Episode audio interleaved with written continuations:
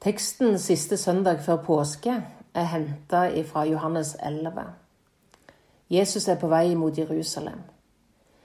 Før vår tekst, som starter i vers 45, så finner vi den dramatiske historien om når Jesu venn Lasarus blir syk og dør.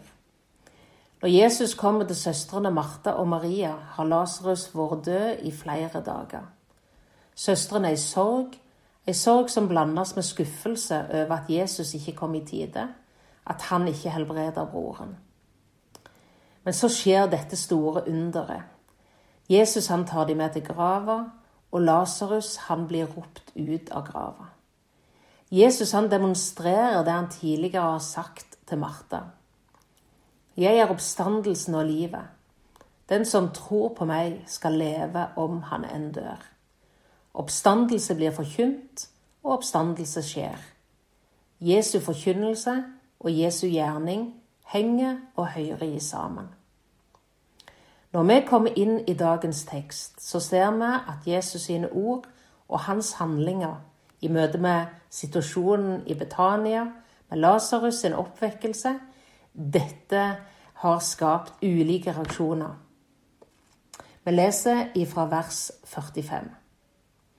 Mange av jødene som var kommet til Maria og hadde sett det han gjorde, trodde da på ham. Men noen av dem gikk av sted til fariseerne og sa til dem hva Jesus hadde gjort.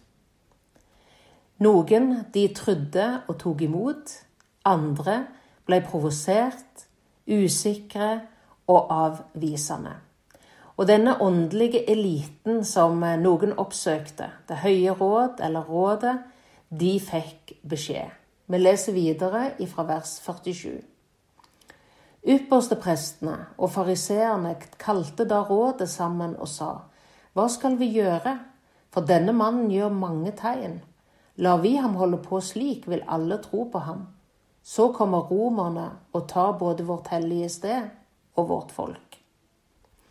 Det er tydelig at dette rådet de opplever at Jesus utfordrer deres autoritet og deres maktposisjon.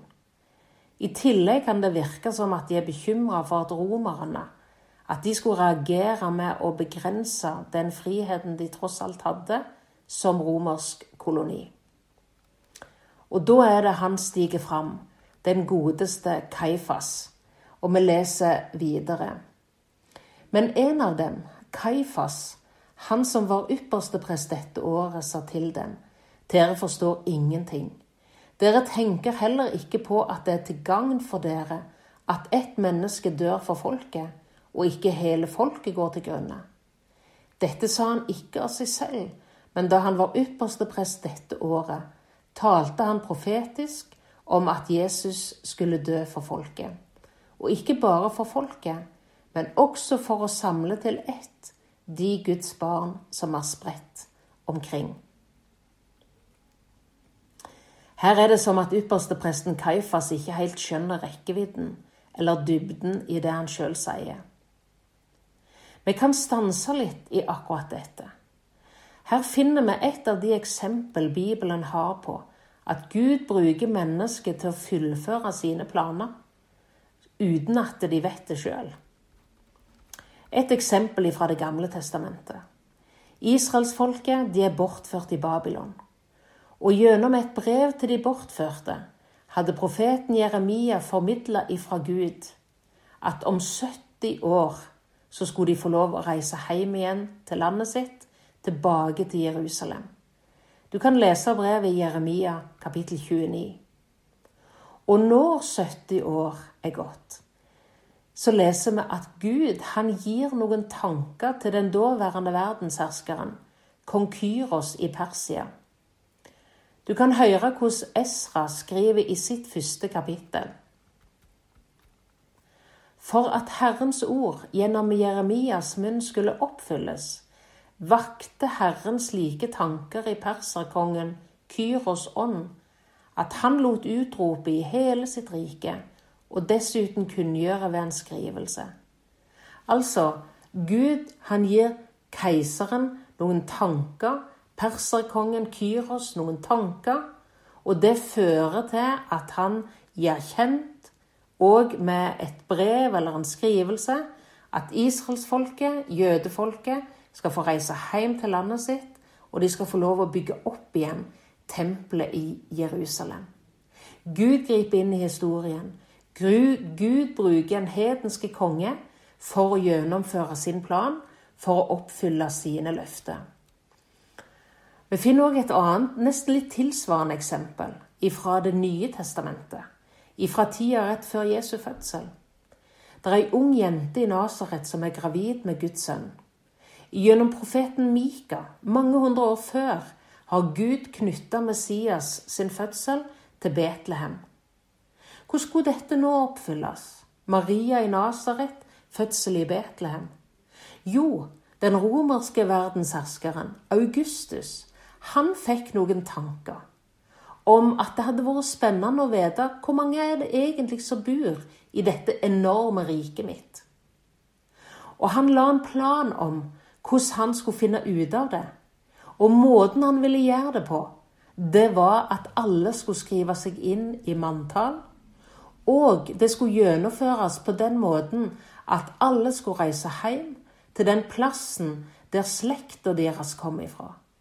Og derfor så må altså dette unge paret, Maria og Josef, ta ut på ei strabasiøs reise til Betlehem. For, som det står i juleevangeliet, de var av Davids hus og ett. Da måtte de til Betlehem. Her ser vi igjen hvordan Gud handler for å oppfylle, for å gjennomføre det han har sagt. En ting til. Nesten 100 år seinere så sitter det en gammel mann deportert på Patmos. Denne lille øya i Egeerhavet som blir brukt til ei fangeøy. Apostelen Johannes er tatt til fange i Efesos, der han var leder for en menighet av nye kristne. Han var ført med båt til Patmos. Og vi kan undre på hva han tenkte. Kanskje tenkte han hvordan skal det gå? Alle de andre apostlene er drept som martyrer. Menigheten består av nye, ferske kristne. Og fienden er sterk. Keiseren i Roma er en mektig trussel og store fiende.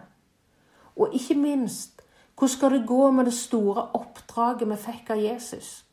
Misjonsbefalingen. Å gå ut i hele verden og gjøre alle folkeslag til disipler. Og så kan, lese, kan, vi lese hva som skjer der i Johannes' åpenbaring, den siste boka i Bibelen. Der leser vi om hvordan Jesus møter denne gamle Johannes. Du må gjerne lese kapittel 1 i Johannes' åpenbaring. I vers 5 så er det en sånn nydelig presentasjon av Jesus. Der blir Jesus omtalt sånn. Det troverdige vitnet Altså han man kan stole på. Den førstefødte av de døde. Sånn som han oppsto først, så skal alle som tror på han, oppstå til et nytt, til et evig liv. Herskeren over kongene på jorda. Altså det er mektige keisere, konger, styresmakter og myndigheter. Men Gud er den største herskeren over kongene på jorda. Og så står det så nydelig i siste setningen i verset. Han, Jesus, som elsker oss og løste oss ifra våre synder med sitt blod. Mye kan se mørkt og usikkert ut, ikke minst i tider som vi lever i nå. Det er mye usikkerhet omkring framtida. Hva vil skje? Hvordan vil det gå? Hvordan vil det gå med oss, med våre, med samfunnet, med verden vi lever i, og gjerne ikke minst med det store oppdraget, med budskapet, med misjonen? I dagens tekst så får vi et møte med den Gud som er all makt i himmel og på jord. Gud er i stand til å gjennomføre sin plan, til å oppfylle sine løfter. Hans løfte gjelder, og han holder ord så kan vi undre oss. Så kan vi som sagt føle at det ser usikkert og mørkt ut. Men Guds løfte, det er at han skal ta seg av sitt rike og sitt folk. At han skal ta seg av deg. Det har han gjort, og det skal han gjøre. Det er et sånn trøsterikt løfte i Filipperbrevet, kapittel 1 og vers 6.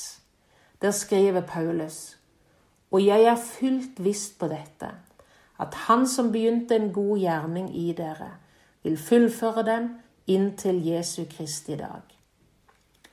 Den gang Kaifas uttalte sine ord, ble han brukt til å si noe om at det var Guds plan at Jesus skulle dø for folket. Dø for å samle alle, for å gi muligheter for at syndere skulle bli Guds barn. Situasjonen i Det høye råd i Jerusalem på den tid, når vi leser i vår tekst, den kan vi lese i vers 53. Fra den dagen la de planer om å drepe ham. Ifra himmelens synsvinkel så ser det annerledes ut. Ifra himmelens synsvinkel så er situasjonen at oppfyllelsen av løftet om frelse nærmer seg. Jesus han sier det sånn i Matteus 20 og vers 28. Liksom menneskesønnen. Altså han snakker om seg sjøl ikke er kommet for å la seg tjene, men for selv å tjene og gi sitt liv til en løsepenge i mange sted. Jesus han ble ikke drept mot sin vilje. Jesus han lot seg fange. Han lot seg torturere og dø. Frivillig. Det er snart påske. En påske som Jesus i vår tekst i Johannes 11 visste venta, og som vi nå 2000 år seinere kan se tilbake på. La oss i dagene videre følge Jesus den veien han gikk. Og la oss ta det inn over oss. Det var for oss, det var for meg, og det var for deg. Og han gjorde det frivillig fordi han elsker. Amen.